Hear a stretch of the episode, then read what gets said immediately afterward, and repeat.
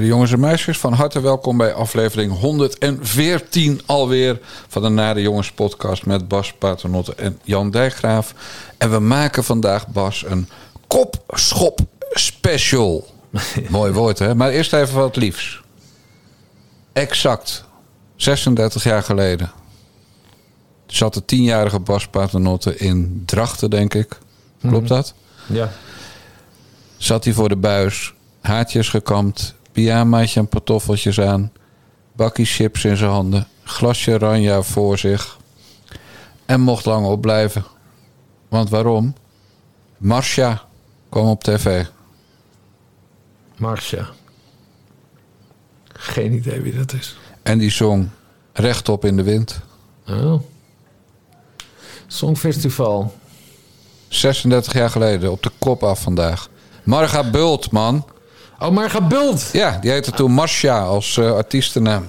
Heette ze helemaal niet Marga Bult toen? Oh, wat bizar. Nou ja, ze heette ook Marga Bult, maar, maar speciaal voor het Songfestival. Ze heette helemaal geen Bult, ze heette eh, Groene, Groene Woud of Groene Wold. Ja, ja. Maar de artiestennaam was Marga Bult, maar voor het Songfestival werd hij weer veranderd in Mar Marga, Marcia. Oh, wat grappig zegt, dat wist ik niet. Ik dacht dat ze gewoon als, dat we haar als Marga Bult eh, hadden Nee. afgevaardigd. Dat was een beetje moeilijk uitspreken in de andere landen. Ja. Zeg jij maar zo op, in zo, op Oh het ja, maar dat hadden we met Treintje toch ook? Ja. Die hebben we toen ook uh, Treinga, treinga. Heette het. Treinga.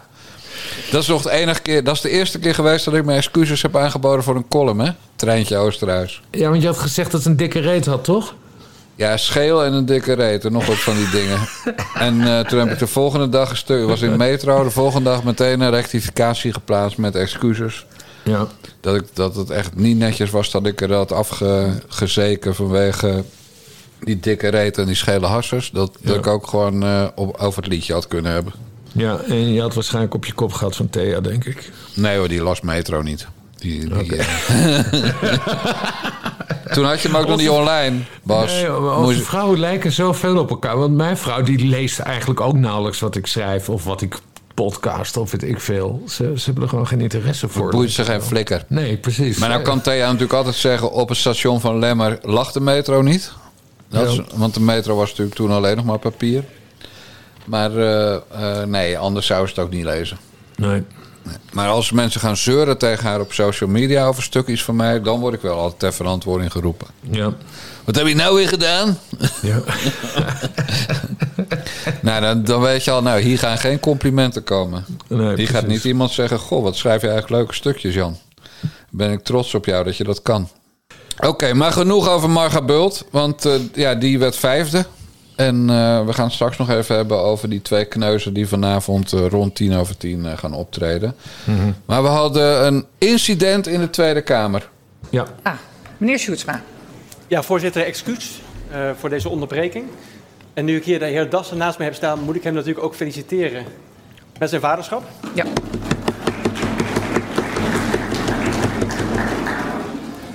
Ehm, voorzitter, het is vandaag Europadag. En dus wilden de heer Dassen en ik u een klein geschenkje geven.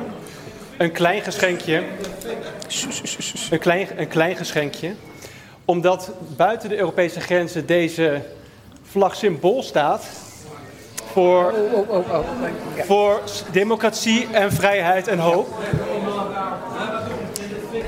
Dank. Ik zal aan de bode vragen. Ja.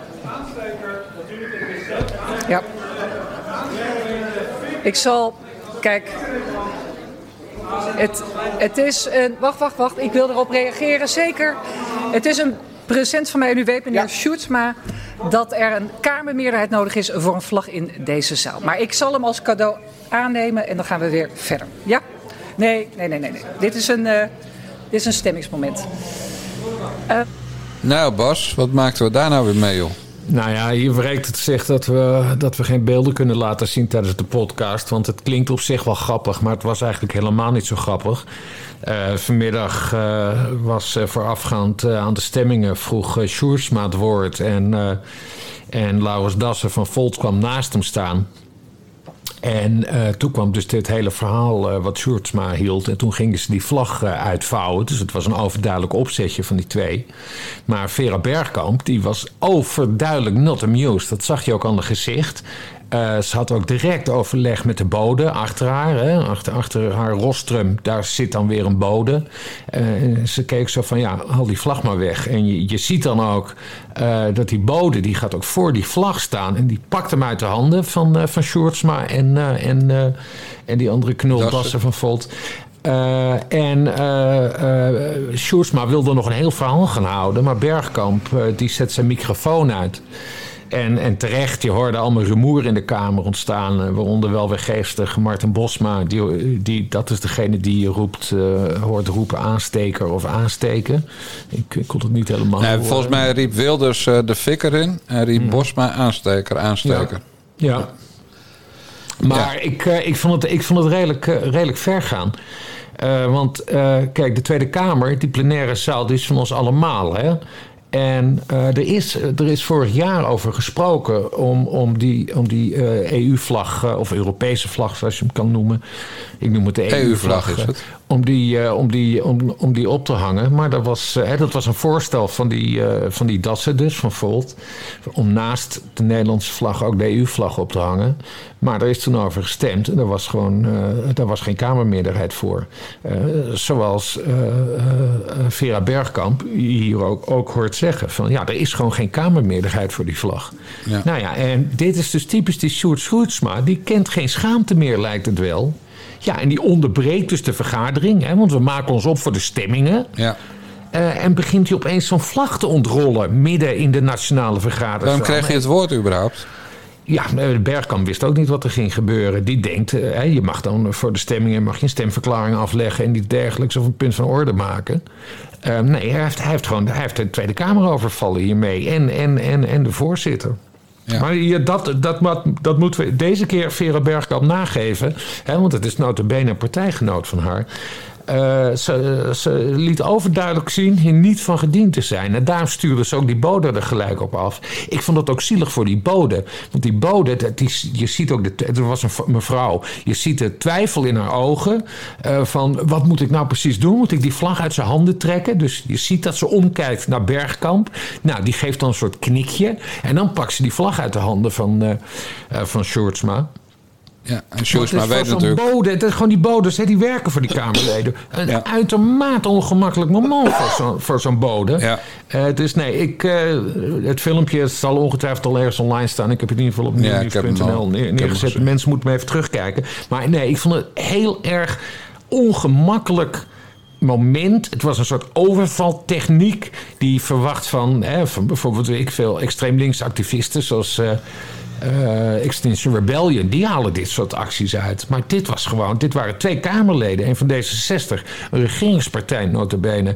En dan die knul van Volt, die gewoon even die hele vergadering kapen. Nee, ik vond het heel ver gaan. Maar goed, los van het kapen van de vergadering... is het dus ook echt verboden om vlaggen van andere landen... of mogendheden te laten ze, zeg maar, daar nou ja, in de Kamer te showen. Het is, het is niet verboden, ze kunnen je er niet voor oppakken. Maar het is gewoon wel raar dat jij zomaar een vlag gaat... Uh, gaat ontvouwen in de nationale vergaderzaal. Waar de hele Tweede Kamer, of althans een meerderheid van de Tweede Kamer over heeft afgesproken. Er wappert, voor zover, ze, voor, voor zover de vlag kan wapperen in de Tweede Kamer, maar goed. Eh, er wappert maar één vlag in deze zaal en dat is de nationale vlag. Dat is de nationale driekleur, rood, wit, blauw. Met rood boven, toch? Ja, rood boven. Ja, voor de goede orde. Ja. hey, maar even zonder dolle. Mm. Nee, maar daar heb je trouwens wel een goed punt. Stel je voor dat Caroline van der Plas dit had gedaan.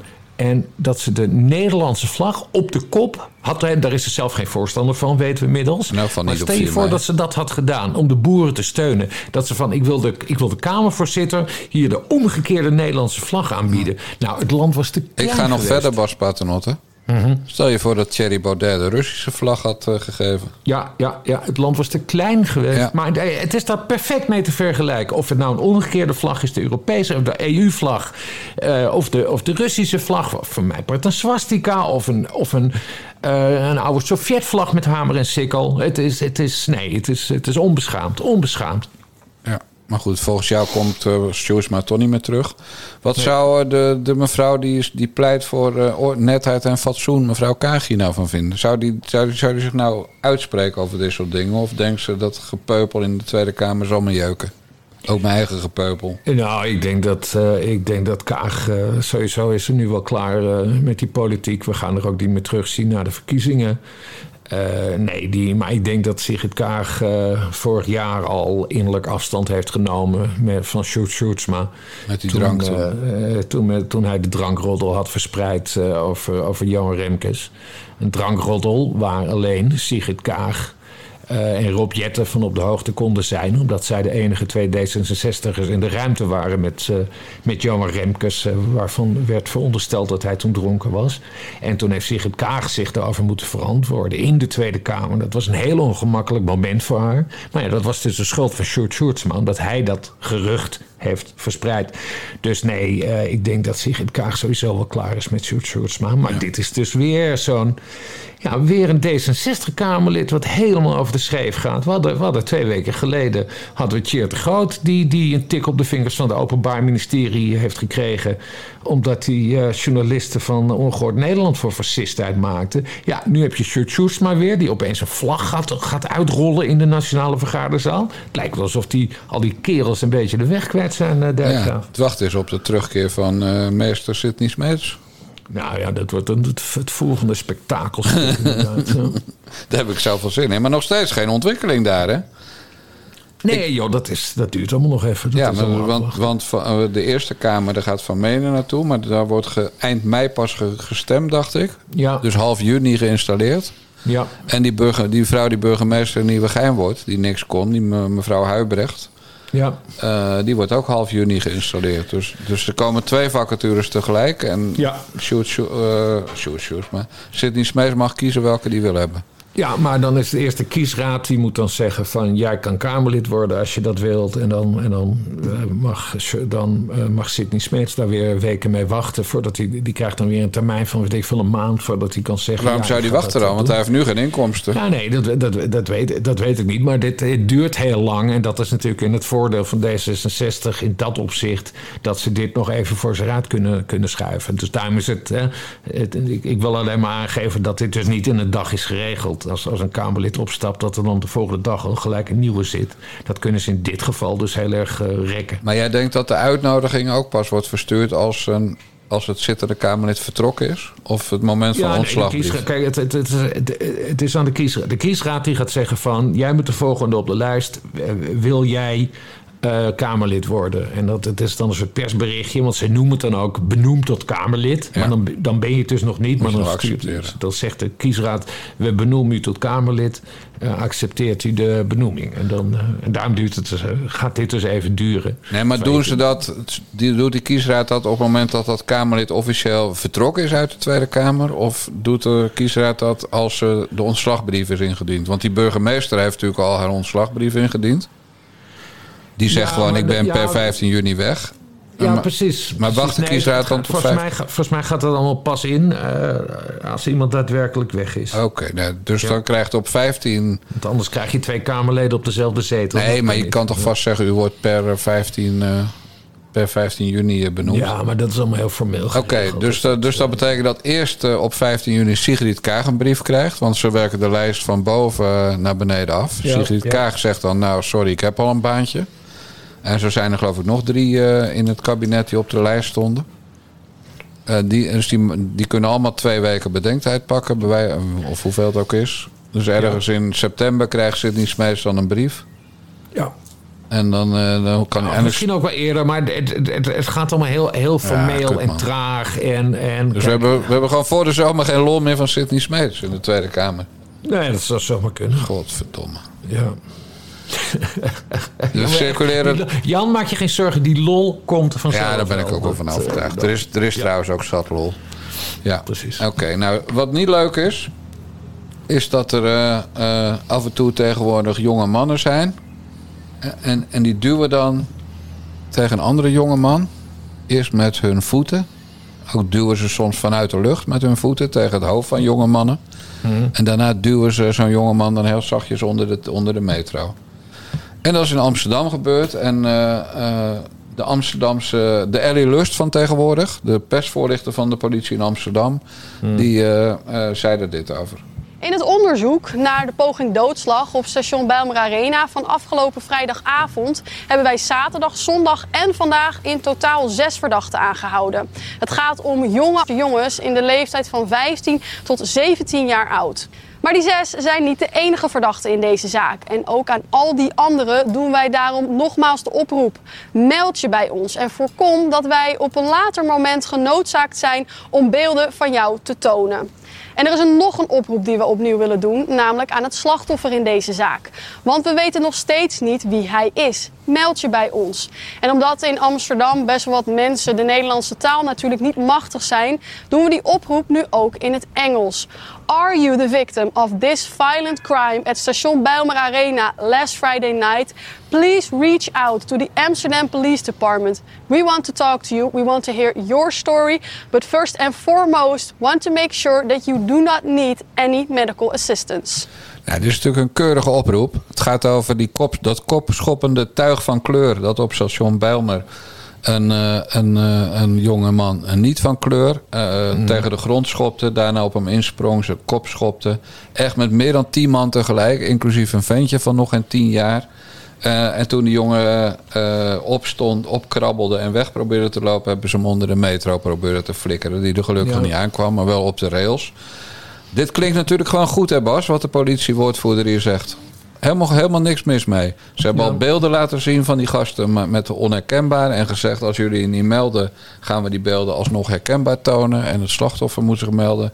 En we doen het ook in het Engels, want uh, uh, Amsterdam is uh, een internationaal plaatsje. Maar hier ging een oproep van de politie aan vooraf op, de, op zaterdag. En die oproep was...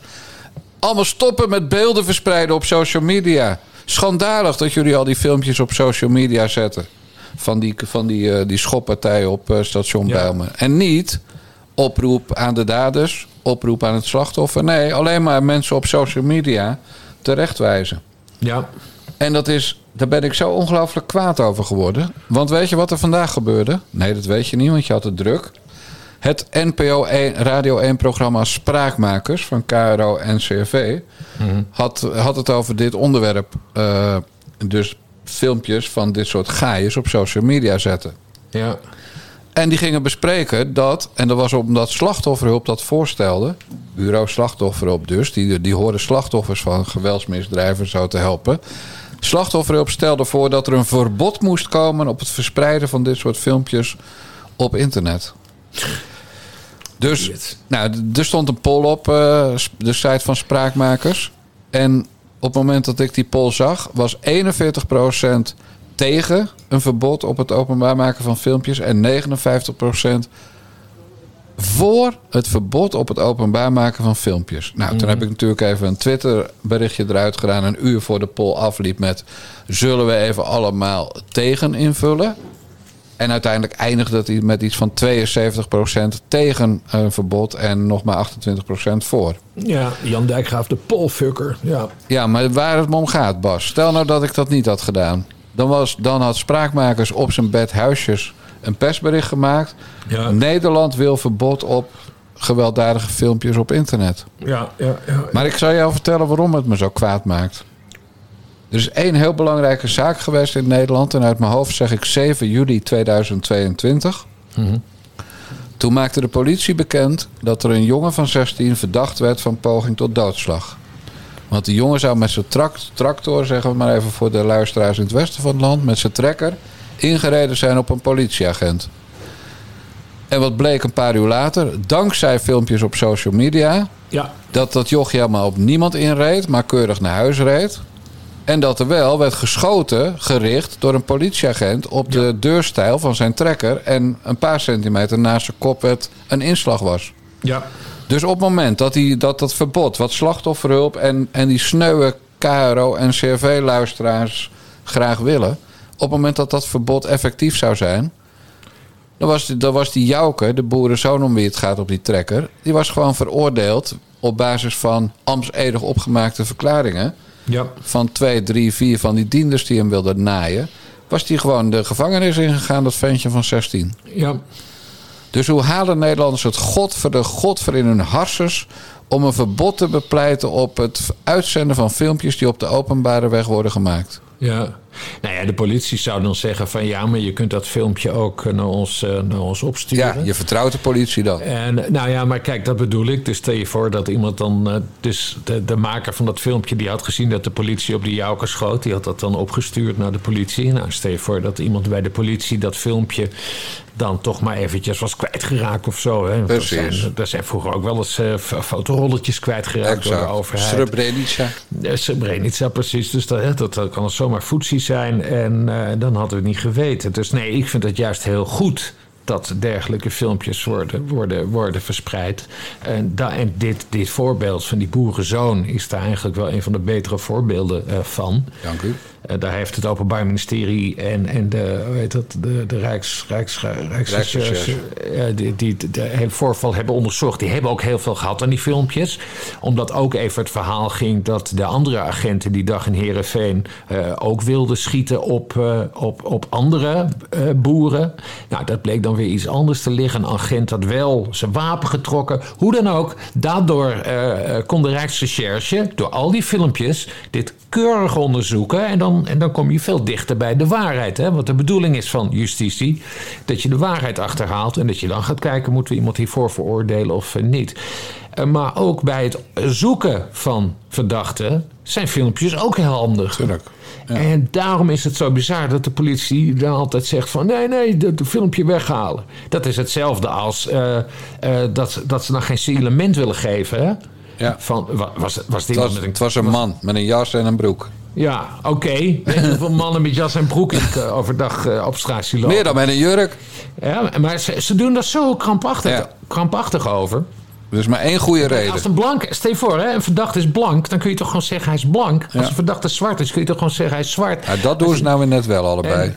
Witte man of een jonge man. Dat is uh, de tegenstelling. Ja, nou, snap je? Dus het, het, het, het is allemaal, het is van de dubbelheid en het, het, het, het klopt ook niet. En ze snijden zichzelf ermee in de vingers. En je had oh, inderdaad ook nog eens het vertrouwen in de politie er extra mee onderuit. Dus nee, ik heb trouwens zelf niet naar het filmpje gekeken. Ik ben, ik ben, daar, ik ben misschien de leeftijd, ik kan dat niet meer aan. Ik kan die, vroeger kon ik die gruwelijke filmpjes zonder probleem aanzien. Maar nee, ik heb, het, ik heb het niet eens gezien. Maar ja, als je het zo al hoort, dan is het alweer erg, uh, erg genoeg. Maar het is gewoon bizar dat, dat ze dan roepen van haal je filmpje weg. Ja, maar ook slachtofferhulp. Kijk, het ja, argument is dat... het argument van hun? Ja, precies. Ja, het argument is natuurlijk dat het slachtoffer ook in beeld is... en dat het ook niet meer van internet af kan. Dat, ja. dat laatste, dat, dat, klopt wel aardig. Mm -hmm. uh, dat slachtoffer in beeld komt, is inderdaad pijnlijk. Uh, maar het argument is ook, en dat gebruikt de politie altijd... Ja, maar op het moment dat je die daders herkenbaar in beeld hebt, dan zal dat leiden tot strafvermindering. En dat ja. is zo, maar nou dan maar die strafvermindering. Maar ja. dat is, ik ben ook, je weet dat ik honderd jaar geleden ooit bij de krant begon, als gewoon verslaggevertje. Nou ja, chef, chef eigenlijk. Uh, maar ik ben er ook altijd ernstig op tegen geweest dat verdachten, want toen hadden de verdachten nog initialen hè, in mijn tijd. Dus dan hebben we het over de jaren tachtig. Dus er was dan een 46-jarige Utrechter, BP. Mm-hmm. Uh, die had dan iets geflikt. Nou, ja. dat, dat is er allemaal afgegaan. Maar als je dan kijkt hoe het in Engeland ging. Dan gewoon met foto en naam en toenaam.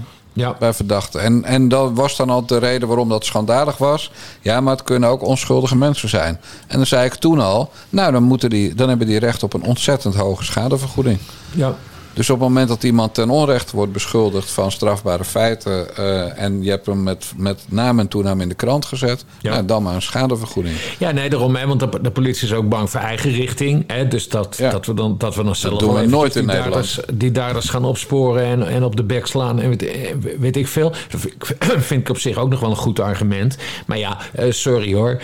Als, als, een, als, een, als een bende jongelui, als een bende dieren, als een roedel wolven zich zich op één iemand storten in een of ander metrostation.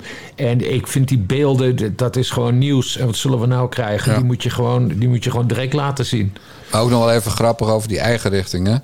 Mm-hmm. Die politieagent die dus op die jouker schoot. Daarvan werd uh, een paar weken, misschien was het wel tijdens mijn vakantie, uh, een paar weken geleden, werd bekendgemaakt dat het OM hem inderdaad gaat vervolgen wegens poging tot doodslag. Ja. Is dat twee weken geleden? Nou, zoiets. Ja, dat is twee weken geleden. Maar ik heb dus dat OM-bericht opgezocht. En daar staat dus alleen als, als uh, verdachte een politieagent. Mm.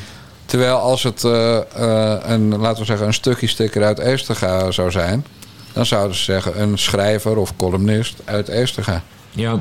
Of laten we zeggen de Frieske Marre. Dankzij de herindeling wordt al wat minder makkelijk te vinden. Maar iemand die Ja. mij voor mijn bek wil staan, die weet waar die moest zijn. Maar nu gaan we naar die agent die op Jouker schoot. Oh ja, ze, ze, ze hebben toen ook nog in dat bericht gezet. En er circuleren op eh, internet filmpjes. En dat is niet de bewuste agent. Ja. Maar nu even naar de praktijk. Jij kent Friesland. Ik ken Friesland. Als ik binnen, hoe laat is het nu? Nou, einde van de middag. Als ik voor zeven uur wil weten wie de, hoe de agent heet die op Jouke heeft geschoten en waar die woont, dan ben jij toch wel met me eens, Bas, dat ik dat binnen een uur weet. Ja, nee, tuurlijk. Dit is Friesland. Het, het gebeurde in de omgeving van Jereveen. Dus dat... eh Heerenveen in het Nederlands. Eh, nee, hè, wij, weten dat binnen een uur wie dat is. Ja, dus dat, want je eh, belt in elk dorp, ken je wel iemand. En, en want hij woont dan natuurlijk weer niet in Heerenveen zelf. Dat maakt het heel lastiger. Dan Ja. woont in een klein dorpje. Nou, dan bel je gewoon in elk dorp iemand die je kent. Of iemand die je kent, kent weer iemand in een dorp. Nou, weet je het gewoon binnen een uur. Ja, En dan zeg je, eh, is het de groene deur of de blauwe deur? Nou, dan weten ze vaak nog de kleur van de huisdeur ook. ja, Dat is ongeveer. En zo gaat het natuurlijk in heel Nederland buiten de grote steden. ja. En in steden moet je het terugbrengen tot wijkjes. Nou, als het iemand is die in de wijk Feyenoord in Rotterdam woont, Ja. dan kom je er ook zo achter. Dus het is allemaal window dressing wat ze doen. Ja, ja. Dat is. En ik ben er heel kwaad over, Bas Paternotte. En weet je waar ik ook kwaad over werd? Dat dan de, dus de politie die nog niet het goede had gedaan, hè, het fragment wat we net hebben laten horen, en het wel verspreiden van die filmpjes, maar dan geblurred, dat de politie dat allemaal niet deed, maar wel heel trots meldde, heel grote krantenkrop in de Telegraaf, 154 supporters van AZ gearresteerd. ja, Want wat hadden die gedaan? Antisemitische liedjes in de tram. ja. Nou, ik vind het helemaal goed dat mensen die antisemitische liedjes zingen in de tram worden opgepakt. Ja, metro. Nee, het- Metro. trouwens, Maar ja. Maakt niet uit, een vervoermiddel. Ja, nee, Daar gaat het toch niet om, man. Openbaar vervoer. Ja. Ja, misschien wel een besloten metro. Maar goed, ik vind het helemaal prima dat dat gebeurt. Maar je hoort de politie nooit. Maar dan ook nooit. Hè? Want dit gebeurde dus in het weekend. Over wat er op 4 en 5 mei gebeurt met kransen. In heel Nederland. Nee. over antisemitisme gesproken. Want die kransen hebben heel vaak betrekking op Joodse slachtoffers van de Holocaust. Ja. Maar dan hoor je de politie niet. En dan wordt er zelden iemand op. Wordt er misschien één of twee worden erop gepakt in heel Nederland. En in Amsterdam jaren geleden werd er gevoetbald met kransen. Maar wel heel trots roepen. Nou, we hebben een stel van die boeren uit Alkmaar opgepakt. Die dan een keer domme Ajax-liedjes hebben gezongen. Het was na de wedstrijd Ajax-AZ. Eh, dus, dus ja, waar Amsterdammers altijd Joden, Joden, Joden zitten te roepen over zichzelf. Terwijl ze allemaal boeren uit de achterhoek zijn. Maar dan heel trots in de krant melden: we hebben 154 lui van AZ opgepakt. Maar nooit melden. En we gaan nu eens een keer al die tering islamieten die lopen te kanker op Joden aanpakken. Nou ja, en wat ik, wat ik ook wel opmerkelijk vond, is dat er tegelijkertijd, ik weet nu even niet hoe dit precies zit qua tijdlijn, maar je had in de RAI, daar mochten allemaal Turken stemmen. Dat heb je Ja, meegekregen. tuurlijk, dat was zondag. Ja, en Ja, negen dagen lang trouwens. Toen zijn, nee, oké, maar toen zijn er 300 Turken dat ze Ja. elkaar op de bek gaan slaan. Nul aanhoudingen. Ja, Daar snapte ik ook geen hol van. nee. En dat was Dus, nog. dus ik, snap, ik snap het niet. Ik, het is, kijk, ik, vind, ik, ik weet trouwens niet eens of ik het wel goed vind dat je die su- voetbalsupporters aanhoudt. Ja, kinderachtig, maar oké. Van nee, maar ik ben, ik- je weet, ik ben, ik ben fel tegen antisemitisme. Maar eh, je moet ook kijken van. Ik bedoel, als je 150 fucking voetbalsupporters gaat arresteren. Want ze hebben ze dus uit het metro moeten halen. Daarna in bussen gestopt. Eh, en daarna worden ze dan naar een of andere plek gebracht. Waar ze dan worden eh geprocessed. eh, Weet dat? Nou ja, do- door de juridische mallenmolen gaan. Vingerafdrukken, ja, dat, dat, is, dat, is, dat is heel, heel veel werk. Nou, gebeurt er niet meer in Amsterdam? Ik, ik, wat ik zou doen. Maar ik weet niet of dat juridisch kan. Ik zou gewoon, eh, je zet gewoon eh, die hele die metro, die zet je stil en die, die laat je een paar uur eh, stilstaan. En je haalt, weet ik veel, een stuk of twintig man haal je eruit. Die arresteer je en, en, en, en die stel je aansprakelijk voor de rest. En dan, en dan kun je weer verder, bijvoorbeeld, eh 300 vechtende Turken eventjes gaan uitzoeken hoe dat zit. En, Ja. daar iemand aanhouden. Maar ja, dat is dus allemaal niet gebeurd. Nee, want je? Dus het- dan geldt- snap, Ja. ik snap het gewoon niet. Nou, dan geldt. Ja, maar we willen deescaleren. dat is het. Ja. De-escaleren. Maar dat, dus dat willen ze niet bij die boeren uit Alkmaar die een stom liedje zingen. En terecht dat die lui een boete krijgen, wat mij betreft. Hè. Ik bedoel, Ja. Aan de andere kant kan je ook zeggen: vrijheid van meningsuiting mag je ook domme liedjes over Joden zingen. Ja. Hè, zo kan je er ook in zitten. Zit ik er in principe meestal ook in. Maar Allah, ik ga mee en ze verdienen een straf. Ja. Maar dan verdienen die, want die 300 Turken, dat, kijk, dat is nou weer het mooie. Die jochies die met kransen voetballen en kransen weggooien en kransen vernielen. eh, zeg maar de echte antisemieten in Amsterdam. Dat zijn in principe grotendeels Marokkaanse jongens. Ja. Jonge mannen en jongens. Ja. En die worden slecht opgevoed door hun moeder. En de vader is er niet, die zit in het koffiehuis. Ja. Dus dat is een herkenbare groep die niet hard genoeg kan worden aangepakt. Dat is toevallig ook, niet, niet helemaal qua geloof, maar wel qua huidskleur. Net zo'n groep als die groep kopschoppers op dat metrostation. Ja. Nou, die pakken ze ook niet aan. Nou, wat is nou weer bij die Turken? Dat, is dat gaat nog een graadje verder. Het waren niet gewoon Turkse burgers die aan het knokken waren.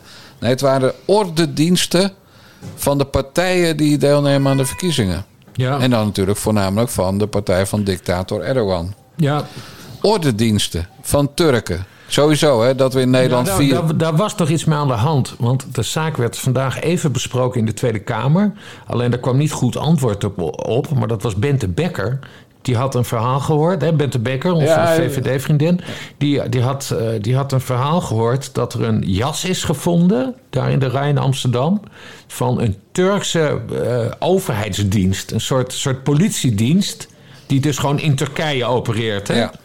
Eh, maar dat daar een jas van is gevonden in de rij. Nou, dat vind ik eigenlijk ook wel heel interessant hoe dat zit. Ze ging dat verder niet uitleggen, dus ik weet ook niet waar dat verhaal vandaan komt.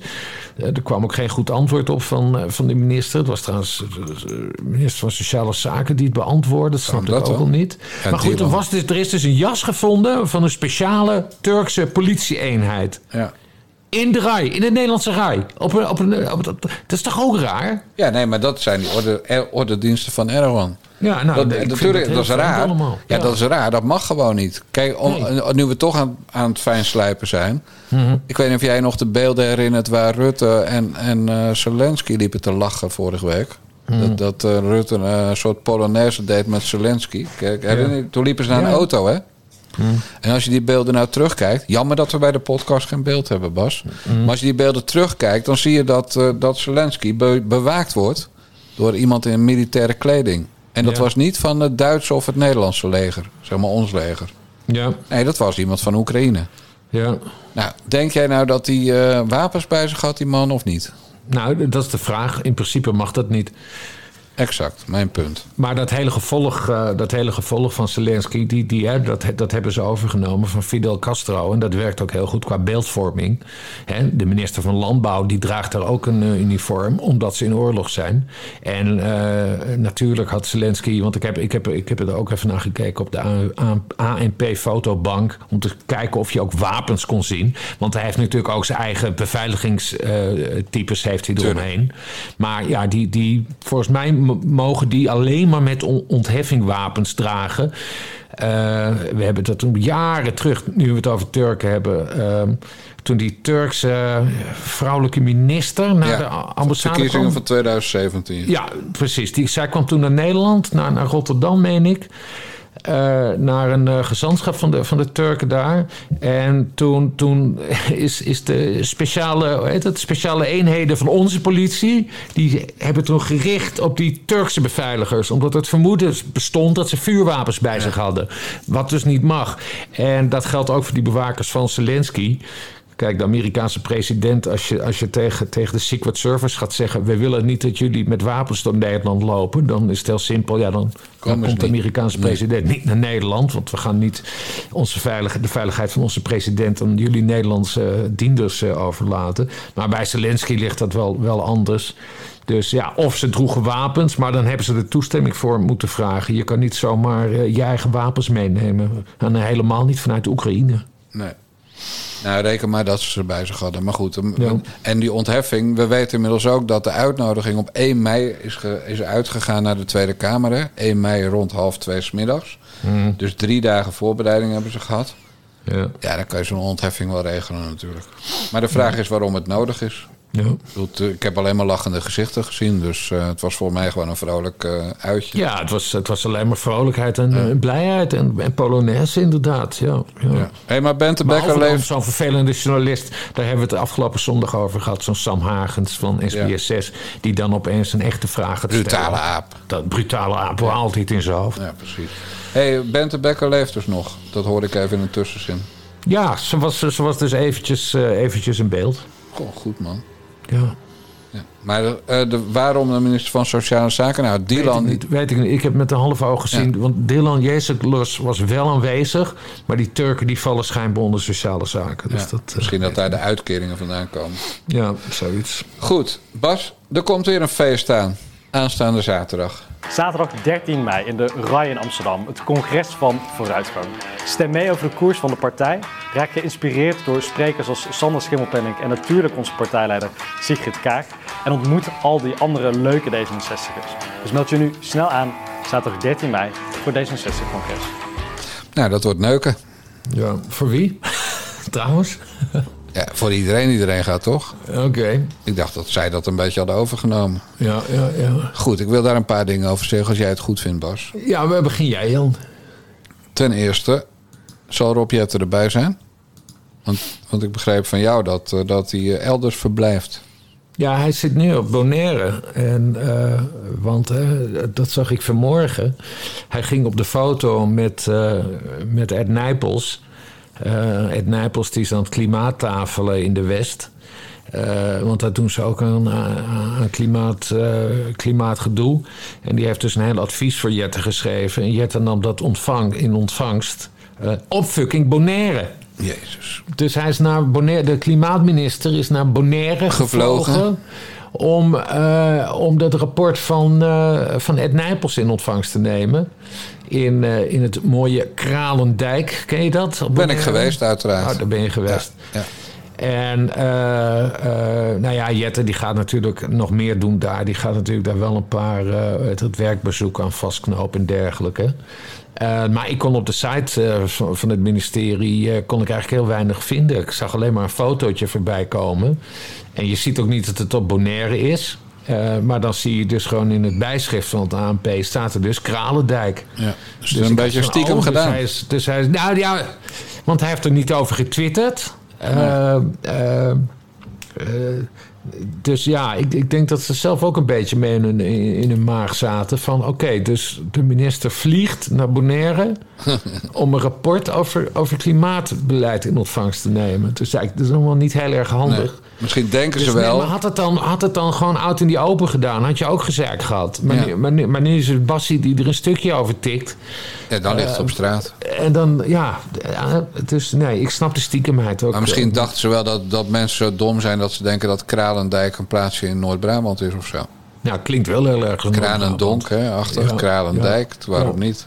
Ja. Maar goed, eh, dat filmpje van D66 waarvan je net het, eh, wat je net hoorde, daar, daar stond dus een Rob Jetter, de, de, de man die voor één rapportje op A4-formaat naar Bonaire vliegt. ja. En als je naar Bonaire vliegt, vlieg je ook naar Curaçao, zoals je weet. Mhm. Want je hebt altijd heen of terug een tussenlanding daar. Of Aruba, daar wil ik vanaf wezen, want het is alweer een tijd geleden voor mij. Mhm. Maar die andere die in het filmpje op, in beeld was, is ook een vliegpiraat. Dat is Sandertje Schimmelpenninck. Die, dat is de, de, de keynote speaker op het D66-congres. Ja, die heeft, een, eh, die heeft een klus daar. Ja, ik vind, het, ik vind dat altijd een beetje moeilijk hoor. Van ehm, Chris Albers bijvoorbeeld, onze goede vriend, die heeft er ook een pesthekel aan als, als journalisten eh, klussen voor politieke partijen gaan doen. Eh, je, hebt er, je, hebt er echt, je hebt heel veel, hoe heet zij, Nienke, zat vroeger een column in het AD, Nienke. Nienke de Jong. Nienke de Jong. Eh, die, doet heel vaak, eh, die doet heel vaak PvdA-congressen. Ja. En eh, Chris en ik eh, hebben het daar wel eens over gehad, of een stukje, of weet niet meer. Maar wij, ja, dat kan eigenlijk niet, want je, je associeert je dan heel erg met zo'n eh, zo'n partij. En Schimmelpenning doet dat nu op zijn beurt met D66, terwijl hij vroeger heel erg van Volt was. Toen, toen was hij heel erg voor Volt reclame aan het maken. Dus ja, hij denkt schijnbaar dat hij daar zijn onafhankelijkheid mee kan, desondanks kan bewaren. Ja, Ik natuurlijk onzin. Dat Nou ja, ik vind, het, ik vind het niet zo sterk gewoon. Dat, eh, Nee, dat- terwijl die nee. constant, eh, zeg maar, de, de mevrouw die wel de grootste partij van Nederland leidt en theoretisch wel premierkandidaat zou kunnen worden, die maakt hij uit voor Ma Vlodder. Ja, maar dat moeten we hem dus weer nageven. Daar heeft hij wel een podcast mee gemaakt. Hè? Hij heeft op uitnodiging van of eigenlijk Caroline van der Plas. Die, die maakt een podcast, serie. En de eerste die ze daarvoor uitnodigde was Sander Schimmelpenning. En daar is hij keurig op ingegaan. Ja, maar dan mag je volgens En dat was trouwens ook de enige podcast tot nu toe. Er Dat komt is er ook geen een maanden mee. geleden. Komt, ja, was natuurlijk gewoon een verkiezingsdingetje. Eventjes Ja. eh, met vijandjes praten. Ja. Maar jij vindt dus, net jij en Chris Albers vinden dus dat je het niet kan doen. Nee, ik ben, eh, ik ben ook wel eens gevraagd door, eh, door een politieke partij. Welke? Om, eh, ik ben een keer gevraagd, ja, door verschillende. Maar wat ik best, Welke allemaal? Best, best voor, nee, ik ben een keer gevraagd om te komen spreken op een bijeenkomst van de SP. Die gaan dan op een fractieweekend, zeg maar naar de, hoe heet dat? Op de heide, Ja, heide, heide heisessie. bijeenkomst. Heissessie. En de SP nodigt dan altijd een spreker uit. En toen hebben ze gevraagd of ik een keer wilde spreken. En ik zei, nou ja, ik ben gek op de SP. Ik vind jullie maar hartstikke leuk. Maar ik kom niet spreken, want ik vind dat dat mijn onafhankelijkheid er niet zou doen. En daar hadden ze, daar hadden ze toen alle begrip voor. Hé Bas, Bas Ja. de waarheid is natuurlijk dat je gewoon in die tijd niet zo graag buiten kwam en zo. Nee, maar dat is, dat is onzin. Ik, ik, wil altijd, ik wil altijd, ben altijd bereid om ergens En dat je te vies was van geld. Op wat voor manier dan ook. eh, Je was vies van geld. En beide, ik was helemaal niet vies van geld. En, en, en de SP die zwemt in het geld. En daar stond ook, eh, je, je kon ook gewoon een factuur sturen. Dat, is- dat is het probleem niet. Maar om de, als je over politiek schrijft, dan is het gewoon misschien een beetje raar om dan op een congres of op zo'n eh zo'n hijsessie te komen, komen spreken. Maar goed, Schimmelpen, ik denk daar anders over. Vind prima, moet hij, eh, moet hij weten. Wat opmerkelijk is trouwens, is dat Rob Jetten eh, dus in dat filmpje figureert. Ja. En niet Sigrid Kaag bedoel je? Ja, dan wordt, hier wordt iemand klaargestoomd, eh, Jan Dijkgraaf. Nee, niet weer. Jawel. Nee. Jawel. Ik, weet het, ik weet het zeker. Ik weet het zeker. Ik denk neef Robert hoor. Eh, nee, eh, echt. Sigrid, is, Sigrid Kaag is klaar Ja, met de wel. politiek. Die zien we niet meer terug na de, Tweede Kamer, nieuwe, na de komende Tweede Kamerverkiezingen. Al dan niet door vervroegde eh, verkiezingen. Dus ze gaan kijken wie, wie moet het dan doen. De kar trekken. En ik denk dat het dus eh, Rob is. Want Rob Jetten die zit nu al, toch al een tijdje in het, eh, in het kabinet. Eh, de Kleeft, los van het feit dat, dat hij ja, een beetje robotachtig is en eh, eh, dat hij dat hij onder valse voorwendselen op vakantie gaat naar Iran en dergelijke omdat hij homoseksueel is en dat hij daar niet wil vertellen. Dus doet dat hij dan met de, wat was het, met de vriendin, Vriendin, er naartoe ja. ging of zo. Eh, Maar er kleeft verder niks dubieus aan hem of, of, of omstredens. Ik bedoel, het is 35 miljard. het is, nee, maar het is, het is, het is geen Cheer te groot. Het is Nee, geen begrijp je en, wat ik bedoel? en Sidney Smeet. En, En, eh, en, en Jette ziet er goed uit. En hij, op een bepaalde manier is hij ook wel grappig. Nee, die wordt nu gewoon heel langzaam maar zeker. Denk ik dat we steeds meer Rob Jette zullen zien. En dat hij dan, eh, dat hij dan, de, dan de opvolger van, eh, van Sigrid Kaag wordt. En partijleider van, eh, van D66. Ach, jezus. Die kant gaat het op. En daarom gaan we... Ik geef het je op een briefje. Rob Jette de komende tijd wat vaker zien. ik gaf jou laatst op een briefje dat BBB uit de provinciale onderhandelingen geflikkerd zou worden. En de eerste is binnen. Ja, ik zag het op. Twitter. Ik zag, ik zag ook een tweet van BBB voorbij komen. Eh, dit gaat over de onderhandelingen in Utrecht. En we hebben volgens mij een hele special hierover gemaakt... over de uitslag van de Provinciale Ja. Statenverkiezingen. En toen zei ik, er zijn twee provincies van de elf... oké. waar het naar alle waarschijnlijk niet gaat lukken. Noord-Holland dat, en Utrecht. Dat is Utrecht en Noord-Holland. Je hebt gelijk. En, en dus daarom, ik vond het ook wat flauw van BBB dat ze zeiden, een heel pathetisch tweetje. Het was echt een huilie-huilie tweetje. Van ja, we moeten dit onze achterban nog goed uitleggen. eh, waarom we zijn buitengesloten. Zoiets was het, hè? En ik, ja, kom op, jullie. eh, ze hebben dat zelf toch ook geanalyseerd. Ze weten dat de kans heel klein zou zijn in Utrecht en dat de kans heel klein wordt in Noord-Holland. Ik zou er niet over gaan janken. Als, als je in Brabant er wordt uitgefietst of in Limburg dan heb je terecht van. Dan kun je zeggen van wat is hier aan de hand. Maar ze moeten dit nog niet uitspelen nu. Het, is ook, het lijkt me ook helemaal niet slim. Voor al die andere onderhandelingen in die andere provincies. Nee. Je, dat je hier al. Dat je over fucking de meest linkse provincie van Utrecht gaat janken dat je niet mee mag doen. Ja, kom op, dat is helemaal niet zo. Het erg. was bovendien een tweetje van de afdeling Utrecht. Dus die moeten, nog, eh, die moeten het nog leren Ja, oké, maar geretweet door het landelijke Twitter-account. Oh, dat is heel slecht. Dan moet Caroline, Caroline van der Plas aftreden. Ja, nee, nee, niet aftreden, maar optreden. Optreden. Ja, nee, maar goed, ze zat natuurlijk weer met Sander Schimmel op en ik eh, podcastjes op te nemen. Ja, ja. Nee, dat, maar eh, snap je? Snap je? ja, je hebt Ik- helemaal gelijk. Ik, ik vind het, eh, ik vind het dan ook... je moet van dit in Groningen, Friesland, Drenthe, Overijssel, Gelderland, Utrecht, Noord-Brabant, Limburg, Zeeland of Flevoland gebeurt. Ja, kijk, als, als, ze, als ze daar eruit worden gefietst... Dan, heb je een serie, dan kun je serieus boos worden. Ja. ja. En dan kunnen de boeren de vlaggen weer omkeren. ja. Goed, nog iets over dat D66-congres. Jij en ik kunnen er ook heen. Wist je dat? Ja, hoe 45 euro betalen, dan mag je er ook naartoe. Ja. Ja, ja ik, ik weet dat niet. Is dat zo? Ja, ik, ja, vind- nee, ik- ik- ik Bas, heb- ik, doe research. Ik, Ja, ik ga nooit freestylen, Ik heb, ik heb als journalist heel veel congressen be- bezocht. En dan was het altijd gratis. Maar je mag nu als burger dus ook gewoon partijloos naar zo'n congres, begrijp Ja. ik. Oké. En dan kan je kennis maken. Maar als je eerst lid wordt, dan mag je gratis. En Dat kost minimaal 2 euro per maand. Ja, ja. Nee, ik kreeg altijd, eh, vooral de congressen van GroenLinks waren leuk. Dan kreeg ik gewoon 100 consumptiebonnen. Maar dat deden ze volgens mij bewust hoor. Om, Ja, natuurlijk. Om, om je gunstig te stemmen. Meen je dat nou, Bas? God, dat had ik nou nooit gedacht dat het zo werkte. Oh. Maar goed, die 45 euro zal me jeuken. hè? Maar wat me niet zal jeuken, is dat, het een, dat het congres heel erg eh, onvriendelijk is gemaakt voor alleenstaande ouders van kleine kinderen. En dat vind ik een buitengewoon kwalijke zaak bij een partij die zich erop voorstaat heel modern te zijn. Want? 45 euro voor de crash per kind. Nou, dat is toch schandalig. Het is op zaterdag. Ja. Dus die hele grote partij, die, die bijna de premier leverde, zo groot was hij bij de vorige verkiezingen. Die is niet in staat om drie vrouwelijke leden, hè, want anders krijg je weer gezeik van mannen mag je niet op kinderen laten passen. Ik noem nu geen namen.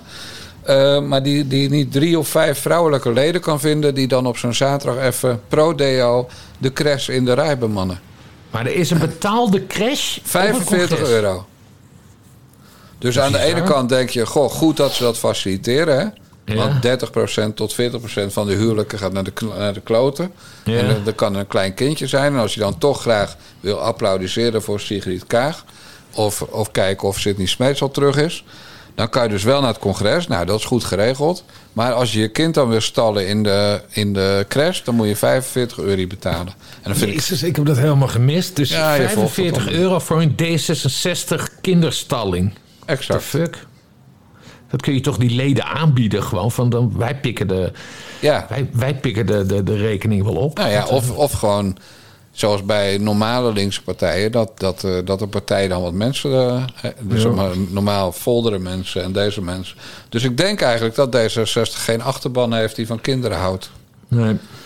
En, en aangezien al die, die dingen die D66 wil voor de volgende generaties is, is vind ik het extra hypocriet. Maar ik vind het ook echt, ik meen het hoor, 45 euro man. Ja. is ja, toch- ik heb sowieso pesthekel Je zou drie kinderen hebben. Maar, maar, maar, maar, maar ja, het is, ja, als je dan zo graag een service wil aanbieden, dan bied je dat er gewoon aan. Ja. Ze hebben toch nog een beetje centen over. Nou ja, goed, alles is Er is nog een leuke service, Bas. Ja. Eh, dat is misschien ook wel voor jou. Oh, eh, heet ze Heine? Is dat een, eh, is dat een bewindsvrouw van, eh, van D66? Nee, Vivian Heijn is van het CDA. Dus hij is, uh, nee. Er is een, eh, een bewindsvrouw van D66, of een Kamerlid, zal een Kamerlid zijn dan. Ja. Die doet daar een kledingbeurs. Oh. Dus iedereen die komt, die krijgt ook de oproep om een kledingstuk wat ze niet meer dragen mee te nemen. En dat dan te ruilen tegen een ander kledingstuk. Kledingruilbeurs dus. Want dat jij is zo verdiept in dit congres. Bas, ik verdiep, verdiep, jij denkt altijd van die dijkgraaf zit een beetje freestylen daar naar te gaan. nou, ik lees alles. Ja. En ik heb ook alle grappen langs zien komen over eh, het programma. Van Mhm. regeren met nul zetels, met Jan Paternotte, dat soort dingen staan. Nou ja, over Sidney Smeets kan je het wel raden wat er op dat eh, alternatieve programma stond. Allemaal hele stomme, foute grappen waarvan ik dan toch een beetje moet glimlachen. Maar dat van die, van die kledingruilbeurs is dus waar. En van die crash is waar. En van die 45 euro is waar. Oké. En wat ze ook nog doen, en dat, ik bedoel, ik wil ze niet alleen afzeiken, want eh, er zijn ook goede D66'ers. Ik bedoel, Hans van Milo. Er is ook een goede D66'er, bedoelde ik, Hans van Milo. Maar wat ze wel goed doen, is dat leden mogen dus gratis naar binnen. Eh, maar die, die mogen wel doneren voor hun kaartje. Dus leden mogen zelf bepalen wat, wat hun kaartje kost. Ja. Dus jij kan zeggen, nou, dit kaartje is me echt maar een euro waard. Dan betaal je 1 euro. En, maar je kan ook zeggen, nou, eh, 1000 euro voor mijn kaartje voor het congres. Dan, Oh, wa- wacht eens even. Ik snap nu pas waarom ze het zo aanpakken. Die schimmelpinning kost natuurlijk handen voor geld. Want die komt echt niet gratis praten daar. Ja, ik val expres stil. Ik denk, we laten, laat dit even landen bij de lezers. Bas Paternotte, De lezers, ja. en luisteraars. Bas Paternotte maakt voor het eerst duidelijk dat, dat hij doorziet... dat Sander Schimmelpenning helemaal niet het beste met de planeet voor heeft. Maar Eh, dat het gewoon een ordinaire zie- geldwolf is. Ja, ik snap het nu. Ze, ze moeten inzamelen zodat, zodat kan spreken. Ja, de rij krijgen ze voor niks, maar Schimmelpenning eh, Ja. kost een hoop centen. Ja, ja, Ja, heb je heel goed door. Je hebt het helemaal door, Bas, hoe het werkt. Nou, nog één keer dan. Zaterdag 13 mei in de RAI in Amsterdam, het congres van vooruitgang. Stem mee over de koers van de partij. Raak geïnspireerd door sprekers als Sander Schimmelpenninck en natuurlijk onze partijleider Sigrid Kaag. En ontmoet al die andere leuke D66'ers. Dus meld je nu snel aan, zaterdag 13 mei, voor D66-congres. Man, man, man. Gelukkig moet ik op familiebezoek. Want Thea, de zus, is jarig. Nou. hey, vanavond hè? ja, 10 minuten over 10. Bijna iets daarvoor. ja, ja, ja. Nederland 1. Ik ga niet kijken. Nee, Bas, kom op. Ik heb helemaal geen zin in. Ik vind, kijk, als ze doorgaan naar de finale, dan vind ik het wel leuk, hè? Want dan, dan, dan, dan, dan wordt er, of er wordt natuurlijk nu ook gestemd, of niet? Ja, en in de finale telt eh, de bevolking en de vakjury allebei voor 50%. Ja, dat vind ik veel spannender. En vanavond dan alleen de bevolking. Ja, ja. ja Dus vanavond is het eigenlijk meer het publiek dat beslist. Ja. Maar goed, ze staan dus in de, in, eh, bij de kenners op de elfde plaats van de 15 deelnemers vanavond. Ja, We hebben het over Mio en Dian, of Mio en Dion. ja, Eh, en er gaan er tien door. ja. Dus ze zitten op het randje. En dat is naar aanleiding van een repetitie die niet vals gezongen werd gisteren, geloof ik. Ja, nou, ik wacht het persalarm eh, wel af. Mij viel wel iets op. Eh, die Duncan Lawrence, dat is een eerdere winnaar. Ja. Die is op de foto gegaan met het duo vandaag. Maar hij en die Dion, dat- ze zien er een beetje smerig uit. Hele viezige, een beetje vettige kereltjes zijn het. Vettig. Ja, een beetje vettig haar. Oh. En, en een vettig vies baardje. En, en, en, en, hoe heet het? Een, borstknoop op half zeven. Nozems. ja, ja, soort nozems zijn het. Ik vond het er heel, heel onsmakelijk uitzien. Hozems dan, omdat het van die homootjes zijn. Hozems. Is, eh, is die Dion ook eh, homoseksueel? Daar geen idee, Bas. Maar ik, ga, ik test zulke dingen allemaal niet uit. Maar Nee, ik wist het alleen van die Duncan Lawrence. Die is homoseksueel, meen ik. Dat, Ik heb het, eh, er schijnt ook nog een docu over die twee gemaakt te zijn. De, de weg naar het Songfestival.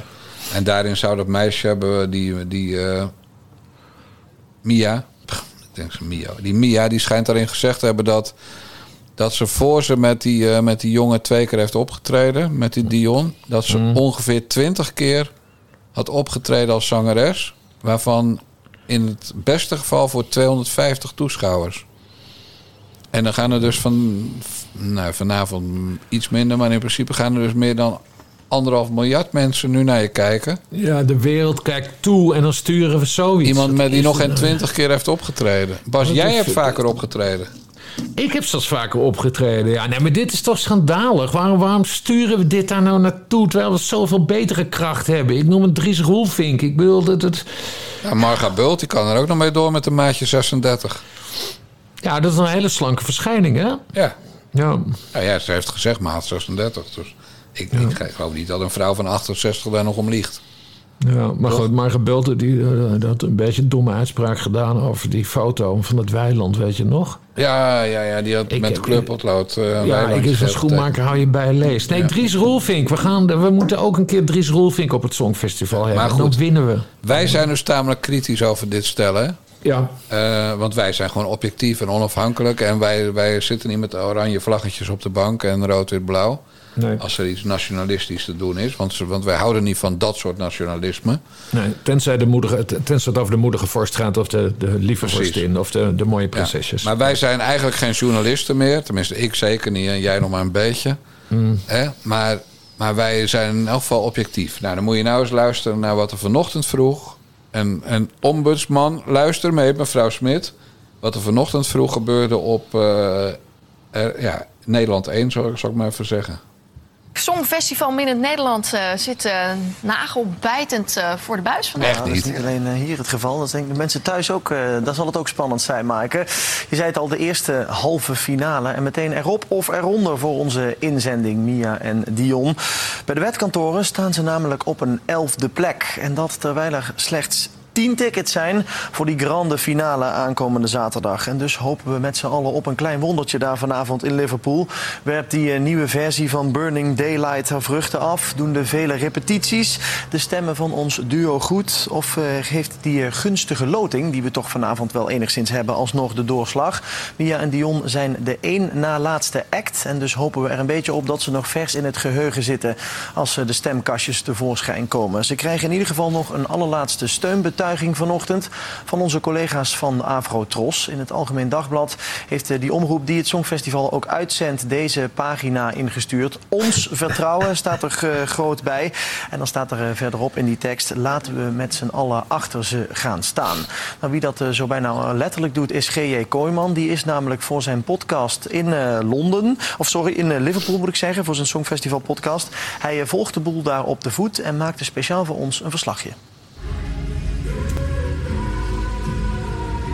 Alle repetities gehad van het Songfestival. We hebben de grote favorieten Finland gezien en Zweden, wat er ontzettend tof uitzag. Heel goed. Finland was niet super sterk, maar Loreen voor Zweden was echt super gaaf. Mia en Dion deden het ook super goed. Ik heb daar ontzettend veel zin in. En deze Songfestivalweek is echt knallend van start gegaan. Terwijl het keihard buiten regent hier in Liverpool.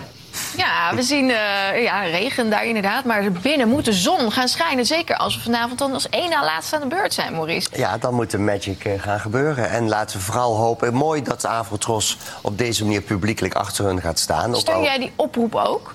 Natuurlijk. We moeten Op- met z'n allen juist nu... Ja, vind ik wel. Op dit moment hebben zij al die positiviteit nodig, want ze vertegenwoordigen ons land. Daar moeten we met z'n allen trots op zijn. Eh, of dit allemaal op de juiste manier tot stand is gekomen, vind ik een discussie voor daarna. Het gaat er vandaag alleen maar over: gaan we zaterdag halen? En gaan we zaterdag halen? Ik heb goede hoop.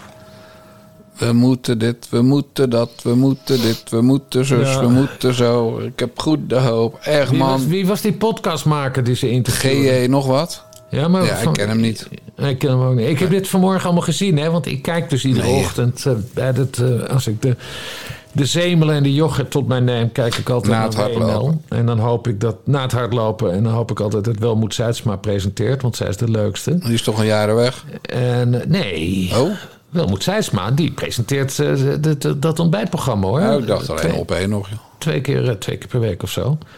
En zij is de measuremante van het hele stel. Nee, maar echt, eh, eh, iedereen juichend over het fucking festival. Hè? Wat, Die wat- kwijlerigheid, man. Ik word er zo kotsmisselijk van. Niet te doen. Het lijken wel Ajax-support, Ajax-journalisten. Ja, hey, maar eh, eh, weet het? De, de Afro-Tros eh, hebben dus een advertentie eh, gekocht in het Algemeen Dagblad. Ja, bij de persgroep. Ja, nou, jij zit nog. Jij, wat kostte dat vroeger? Ja, je? vroeger heel veel geld. Maar ik denk dat nu nog, nou, 10, 20.000 kost het nog wel. ja. Netto, ja. hoor. Dat is dus publiek korting. geld, hè? Dat is het belastinggeld. Ja. Oh, die zullen misschien geen korting vragen. Hou het dan maar op 25, 30.000. Nou, dus dan heeft dus de Afrotros, die wij betalen van belastinggeld, een advertentie van 25 tot 30.000 euro in het Algemeen Dagblad gekocht. Een Nou, oproep aan ons om allemaal achter die, die, die twee kneuzen te gaan nou ja, kijk, als de, publieke, als de NPO zo ontzettend veel geld heeft dat ze ook hele advertenties voor het fucking Songfestival kunnen kopen in de krant, dan heb ik iets van, nou, dan mag er ook wel wat minder geld naar de NPO. Dus saneer de NPO en dit is weer een heel goed voorbeeld van waarom. Ja, nou, daar heb je helemaal gelijk in. Maar ik, ik wil dat wij gewoon... Ik bedoel, al die lafbekken die nu achter die lui staan... Hè, als die lui nou naar de finale gaan... dan zullen die lafbekken zeggen... nou, ze hebben zich goed ontwikkeld. Heb ik al die tijd al gezien. Goede Ja. hoop gehad. Maar als die lui gewoon veertiende worden van de 15 of dertiende... ja, we hebben altijd al gezegd dat het niks was. Ja, ja, of ze zeggen, ja, het zat tegen ze, want die vervelende pers... Die, Oh ja, eh, dat die zegt dat een- meisje, ja. Ja, net zoals, die, net zoals het kopschopfilmpje. Ja. Van, ja, nee, dat hadden ze nooit moeten doen. Ze hadden het nooit over moeten publiceren. hadden ze nooit moeten doen. Ja, heikels. Wat, wat mij trouwens wel ontzettend leuk lijkt, Bas... en misschien Mhm. moeten we daar een keer extra voor crowdfunden... als volgend jaar jij, en jij alleen... namens de Nare Jongens eh, podcast... als Eurovisie Songfestival verslaggever... Als verslaggever, ja. naar het Eurovisie... Want dan ben je gewoon echt de, de enige hetero daar. Die het ook vanuit een hetero-perspectief Ja, benadert. Ja. Dat je gewoon, eh, wa- waar- waarom heeft die, eh, heeft die, die gast van Finland... eh, niet even gewoon zijn overhemd netjes dichtgeknoopt? Gewoon stijltweets en zo. Ja, ja, ja, precies. En- precies. en En, dat dat je dan- heel serieus gaan bevragen. En dat jij dan met je microfoontje op Duncan Lawrence afloopt... die, die een beetje met Engels accent lult... omdat het interessant is of omdat hij een, een, een verloofde heeft die, die Engels spreekt. Dat je dan gewoon, doe normaal man, eng het, noos hem, hoos hem. Ik zie er wel voor me hoor. Oh, man. En, eh, Dat ze mag dan je ook bij, boos- eh, dat, ze dan, dat, ik, dat, dat ze dan ook boos naar mij gaan kijken... alsof ik Sam Hagens ben die een onwelgevallige vraag Ja. stelt. Ja. Dat je gewoon zegt, vind, ik vind, Frank Sinatra. nou, dat- en eh, wat, wat, wat was nou je klassieke voorkeur? Dat je Mozart of eh, weet ik het? Dat je, Mo- Mo- Mozart, Wolfgang Amadeus Mozart. dat je, daarover, dat je daarover gaat beginnen. Eh, En dat zeiden ze, Mozart, Mozart, Mozart. Ja, wie is dat? Ja, ik, ik ken alleen eh Aram Baden van RTL Boulevard. En, Ja. en- die, die, die gast die als laatste bij WNL hoorde... die heb jij dus vanochtend ook gezien. Die Maurice Wijnen. Ja, dat is dus dan ook zo'n... eh, Ik denk dat die vroeger ook een keer voor de metro is gegooid, hoor Bas? omdat- ja, Head first. nee, maar die types, ze hebben, want je hebt, je hebt dan ook nog een, een, een gozer die heet Jan Uriot. Ik dacht eerst dat hij dat was. Van de Telegraaf. Maar is die van de Telegraaf? Ja, ja, maar ja. dat kunnen wel broers van elkaar zijn. Ze lullen op dezelfde manier en ze zien er een beetje vreemd uit. Ik vind het, eh, ja, een hele Ja. aparte... Dus nee. Wat ik- trouwens ik, goed ik nieuws is. wel in dat gezelschap mengen. Dus dan ga ik volgend jaar als verslaggever naar het eh Namens de Jong. Ik denk dat wij wel een accreditatie krijgen van Afrotros. Denk je niet? hey, even goed nieuws van het nichtenfront. Eus is dus aan het mislukken bij Vandaag in Zuid. Mhm. wie was er nog meer aan het mislukken? Oh ja, eh, Rutger Kastikum is, is, is al mislukt bij Vandaag in Zuid. Eh, maar vandaag is het debuut van Appie Verlinde. Aan tafel bij Vandaag in Zuid. En dat vind ik toch wel een hele goede zet van de mannen. Is dat, Albert Verlinde. Albert Verlinde, oké. ja. Als show, want ze hebben moeite om een shownieuwsdeskundige te vinden. ja. Ja, en Albert is natuurlijk echt zo'n vieze valse nicht. Dus ik vind dat echt helemaal top eh, passen bij ze. Dus ik ga weer een keer eh, tot, eh, tot die, die twee mensen die zo'n hekel aan Nederland hebben... en namens Nederland het liedje gaan zingen. ja. Dus dit zet ik hem op zes. Ga ik Ja, gewoon even lekker Albert Verlinde kijken. Ik wist het allemaal niet. Maar Albert Verlinde, die zit ook trouwens in de SBS, eh, in de SBS-stal, toch dan, of niet? Anders zou hij niet bij, bij vandaag Ja, zijn. daarom. Ja, daarom dat lijkt ja, is allemaal ja. nepotisme daar, Bas Paternotte. Nepotisme had ik een bom. ik zit natuurlijk ook een beetje indirect bij de SBS-stallen. Ja. Met die meilandjes. eh. Ja. hey, eh, nog even. Oh, ja, ja, jij- valt ook onder, onder John natuurlijk dan. nou, dat niet. ik weet Jan, wel. Jan en John, echte Ik- Johns. Ja. Ik weet wel dat ze bij SBS of Talpa, om precies te zijn, niet zo blij met mij zijn als biograaf van de Meilandjes. Dat weet ik Ho- wel. ja. Hoezo is dat dan? Nou, omdat ik in principe alles opschrijf wat mij verteld wordt. Mhm. Dus ook als ik over die serie vragen stel en ik krijg antwoorden, schrijf ik het op. Ja. dan zouden ze toch het liefst hebben dat je het even langs de persdienst stuurt of zo, geloof ik. Dat ze de Meilandjes, dat ze het helemaal, dat alles zou via de voorlichters van, van. SBS zouden lopen van Bij wijze van wel, ja. ja. En, eh, en ja, je kent Jan Dijkgraaf. Wat ik Ja. nu van tevoren heb afgesproken, doe ik niet. En Nee. zulke afspraken zou ik dus niet snel maken. Nee, daar was je sowieso niet mee akkoord gegaan. Nee, Dus, eh, nogal duidelijk. oh, Maar grappig zeg. Ja. Ja, goed nieuws. Bas Paternotte nog van het Bob Dijkgraaf front. Die Mhm. heeft volg jij natuurlijk op de voet. Maar Bob Dijkgraaf heeft eh, gisteren zijn, eh, zijn boek eh, Ons Feyenoord... dat eh, rond 1 juni in de winkel ligt... heeft hij eh, naar de vormgever gestuurd. ja. Zondag al had je eraan plakken over het kampioenschap. Zondag een fotootje voor de cover zoeken. En dan heeft Bob een 320 pagina dikke bijbel... vanuit supportersperspectief over Feyenoord geproduceerd. ja. Te koop via TWSS. Tinus Willem Simon Simon.nl. Dat is, dat is zijn eigen uitgeverij, toch? Ja. En dat staat voor That's What She Said. Ja, oh, ik weet niet waarom je een uitgeverij zo moet noemen, maar ja. Ze hebben ook wat van hun moeder, hè, die kinderen. Dat kan niet allemaal. Ja, maar dit is het tweede boek toch al? Want hij heeft toch een keer uh, Rinus Israël. Ja, hij heeft, hier een, hij heeft eerder zo'n soort boek geschreven in 2017. Toen Feyenoord eh, kampioen werd voor het eerst na 19 jaar. Eerste Ja. exemplaar overhandigd aan Rinus Israël. Ja. En nu heeft hij dat boek echt... Nou ja, er staan nog een paar dingetjes in die daar ook in stonden. Maar verder heeft hij het afgelopen twee weken. En als leraar Nederlands heb je vakantie. Mhm. Dus hij heeft eh, de vakantie besteed om het volledig door de machine te trekken. En eh, veel dikker te maken dan het was. Ja. Dus En eh, aan, wie gaat hij het nu uitreiken? nee, ge- geen officieel momentje deze keer. Nee, is niet nodig. Tenzij jij kan. Nee, dat is helemaal niks van mee. Maar hij gaat, hij gaat Wacht, wacht, wacht. Jon, je was weer weg. Eh, hij gaat niet met een tafeltje voor het stadion. eh, met zijn boeken erop, mooi. nee, moet hij maar niet doen. Maar eh, nee, daar is hij natuurlijk wel een beetje bekend door geworden. Hè? De man Ja. met het tafeltje. En, eh, ja, en inspreken tijdens de gemeenteraad. Ook nog, en Nou, goed. ik vond het geweldig, Ja, was dat. ja. Geweldig. kan nog wat van leren van die jongen.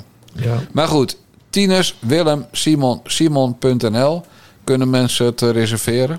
En eh, ja, ja, het zou leuk voor hem zijn. Want eh, Ja. omdat zijn eigen, eigen uitgeverij is, blijft er aan geen enkele strijkstok iets hangen. Ja. Dus ik gun het hem van harte. Dus Ja, mensen, hartstikke leuk. koop het boek. Toch, Bas? Ja. Ja, zeg dat dan ook even, want Ja, ik, ben dacht, zijn er vader. ik, vond het, ik, vond, ik koop dat boek, mensen. Ik koop het boek van, eh, van Bob Dijkgraaf over, eh, over Feyenoord. Maar wel op twss.nl en niet bij Bol en zo. Nee, twss.nl. Oké. Ja. hey Bas, ik ga haartjes kammen voor eh, vanavond. Ik zeg eh, de mazzel. Ik dacht dat we nog de nieuwe aanbouw zouden doen.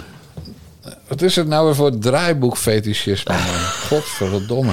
Nee, want ik heb nog iets te vertellen over een van onze abonnees. Vandaar.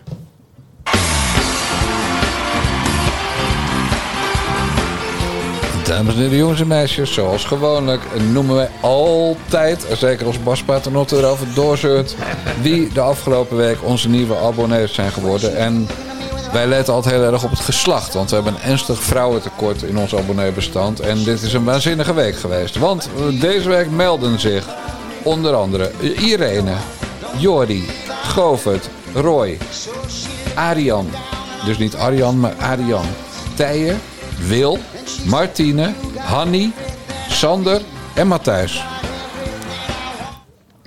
Nou, Nou. Ik, tel, ik tel vijf vrouwen. Ja, gewoon bijna de helft. Ja, nee, wat ik nog even wilde, wilde vertellen was dat wij vorige, we- vorige keer, vorige week bij het voorlezen van de abonnees, eh, begreep ik een naam niet. Want jij zei Ch- Chester, maar dat sprak je verkeerd uit. Dus ik dacht, hé, is, dat een- is dat een Hebreeuwse naam? Wie, waar, is dit Ja, Joost- ik had zeker? Chester moeten. Ja, maar goed, eh, in, de, in de reacties op Petje Af zei iemand van... hoe komen jullie daar nou bij? Het is gewoon Chester, als in Manchester. Dus Ja, weet dat vond ik wel geestig. Ja, wat trouwens misschien wel grappig is, eh, Bas. die, die, sommige mensen die, die, die ab- zich abonneren, die, die sturen ons ook briefjes. Hè? En die lezen wij nooit voor, want dat vinden we een beetje goedkoop. Maar ik ga het nu gewoon even wel een keer doen. Martine schreef bijvoorbeeld: Weer een vrouw erbij. Geniet al lang van jullie wekelijkse podcast. Nu hoog tijd om lid te worden als teken van waardering.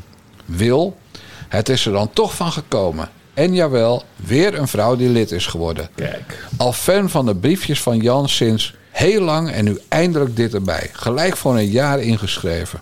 Tijen, heerlijk luisteren tijdens het hardlopen. Tijd voor een donatie. Irene, groot fan van uw dagelijkse briefjes van Jan. En de stukjes van Bas op Nieuw Nieuws. Nee, dat verzon ik erbij. Eh, ben ook heel benieuwd naar de Nare Jongens podcast. Zet vooral uw goede werken voort. Veel succes. En die Chester, hey, Bas en Jan, of Jan en Bas, wil niemand tegen het hoofd stoten. Ik luister al een half jaar elke week en ga nu pas betalen. Sorry daarvoor. En dan hadden we nog, nou tenslotte, anders wordt, anders wordt het een beetje eigen pijperij. Natasja, om jullie vrouwenquota op te vijzelen. En omdat ik geen hele week kan wachten op de gratis nare jongens. En Jan niet houdt van freeriders. En dat doe ik nu al veel te lang. Dus daarom ben ik nu ook abonnee. Ja, het loopt lekker, hè? Het loopt gewoon eh, goed, man. We, we, we hebben 1104 abonnees. Nou, Ja. ik vind dat toch in een jaartje, want we zijn nu precies een jaar bezig via petjeaf.com slash naar de jongens. En dan krijgen die mensen dus bellen met Bassie er elke week bij. En de Bassie en Jan Moskee er elke week bij. Nou, dan vind ik dat een keurig resultaat. Want mensen hebben het financieel niet best op dit moment. Ze kunnen hun geld misschien zelfs wel beter besteden. En toch zijn ze naar petjeaf.com slash naar de jongens gegaan om abonnee van ons te worden, Bas. Of van jou vooral, vooral en, en, en een beetje van mij boeien. Ja. Nou, ik zeg eh, de mazzel. Doei doei.